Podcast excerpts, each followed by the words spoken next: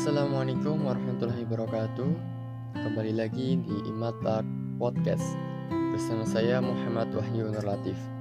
Kali ini saya akan sedikit berbagi ilmu uh, Mengenai adab dalam menyampaikan ilmu.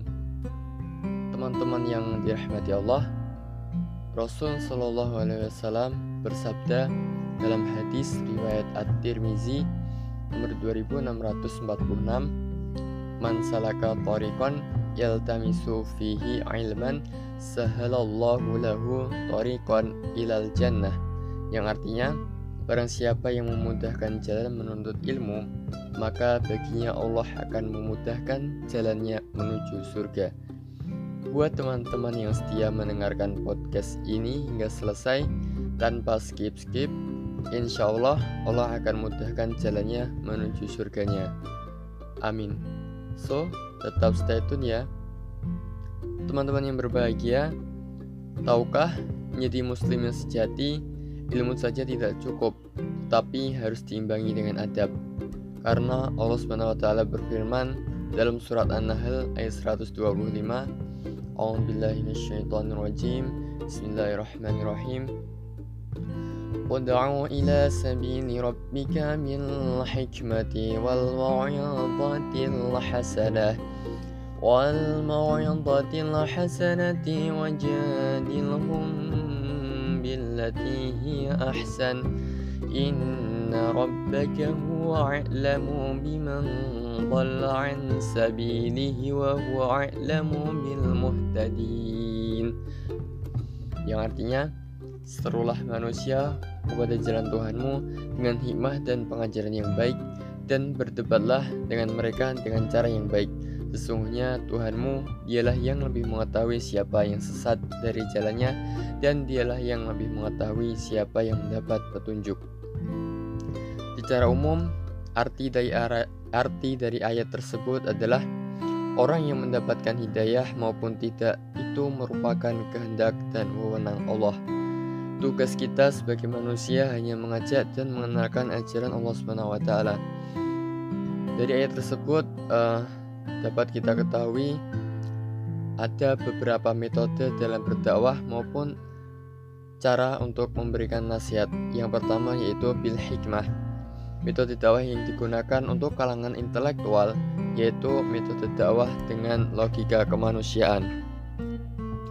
Kemudian wal mau'izatil hasanah yaitu dakwah untuk orang awam dengan memberikan nasihat dan mengajarkan ajaran agama Islam.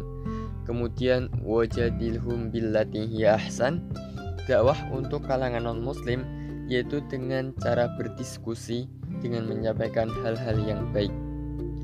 Allah Subhanahu wa taala sudah mengetahui siapa yang sesat dan siapa yang mendapat hidayah. Penyampaian dakwah tidak dengan paksaan, tugas kita hanya menyampaikan dan Allah lah yang merubahnya. Penyampaian dakwah akan lebih baik jika disampaikan dengan lemah lembut agar pesan yang disampaikan dapat diterima dengan baik. Sampaikanlah dengan hikmah dan contoh yang baik. Teman-teman yang dirahmati Allah, menelaah dari ayat tersebut, maka untuk kita yang akan memberi nasihat atau mengingatkan kepada saudara kita atau ingin membagi ilmunya haruslah dengan cara yang santun dan sabar. Jangan malah marah-marah atau bahkan memecah belah umat. Orang yang berilmu haruslah rendah hati dan jangan merasa paling benar.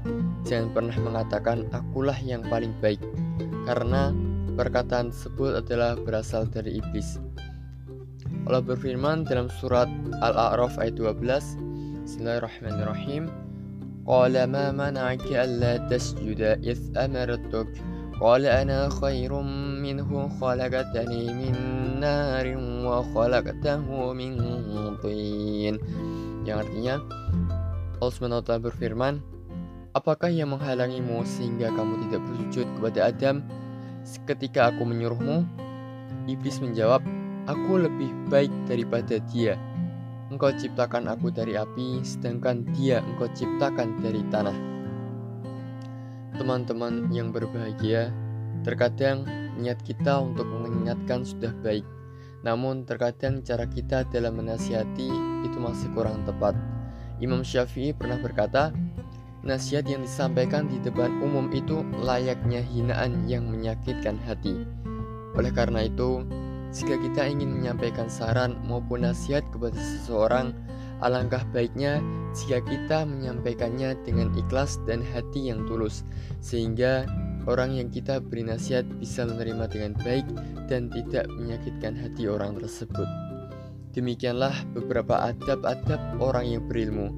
Yang disebutkan barusan adalah hanya sebagian kecil saja yang dapat disebutkan. Masih banyak lagi adab-adab seseorang yang berilmu jika mengkaji Al-Quran dan hadis-hadis Nabi. Oleh karena itu, sebagai orang yang berilmu menjadi sebuah tantangan untuk menghadapi berbagai macam pembodohan yang dilakukan oleh kaum misionaris.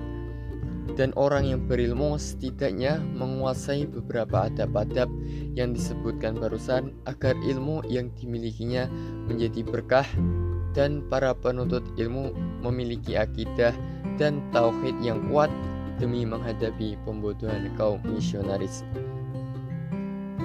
teman-teman yang dirahmati Allah, semoga Allah SWT menguatkan umat Islam dengan memberikan orang-orang yang berilmu dan beramal.